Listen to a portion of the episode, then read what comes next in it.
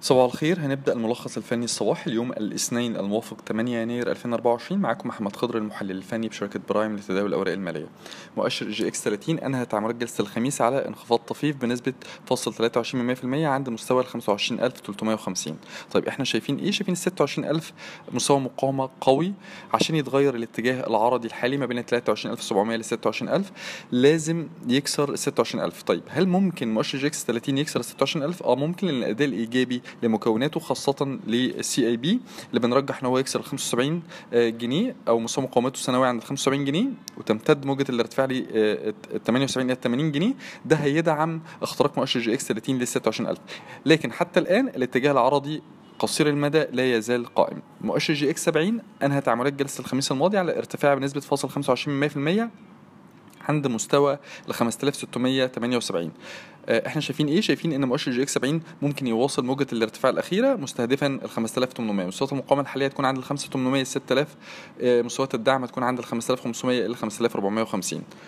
بالنسبة لملاحظات التداول عندنا الأسهم ممكن تختبر مناطق مقاومة على المدى القصير. عندنا أول حاجة العربية للأسمنت. العربية للأسمنت واجهت موجة تصحيح من ال 12 جنيه وصلنا ل 11 جنيه. إحنا مرجحين إن هو يتماسك حوالين 10 ونص إلى 10 جنيه ويبدأ منها موجة ارتفاع جديدة لمنطقة المقاومة 12 12 ونص. رؤيتنا عليها إيجابية وحطيناها في تقريرنا الفني اليومي تيك توك مع توصية بشراء انخفاضات توصية مدى قصير.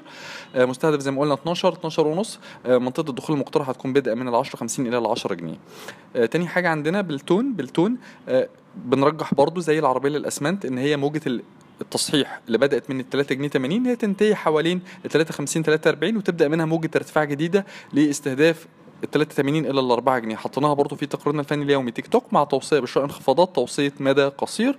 منطقة الدخول المقترح هتكون بدءا من 53 إلى 43 مستهدف 83 وقف الخسارة يكون عند 3 جنيه 35 آه ثالث حاجة عندنا العز البورسلين الجوهره بنرجح استمرار موجة الارتفاع الأخيرة ل 27 جنيه عنده ال 25 كسرتها 27 في أهم مستوى مقاومة سنوي في الوقت الحالي ويكون عند ال 25 وإحنا بنرجح إن هو يكسرها على المدى القصير. رؤيتنا على الجوهرة إيجابية. أخيرا عندنا قرار الإسكان اللي بنرجح إن هي تاني تعيد تجربة الجنيه 55 وممكن تكسرها تستهدف الجنيه 60 إلى الجنيه 70 رؤيتنا على القرار الإسكان إيجابية. شكرا.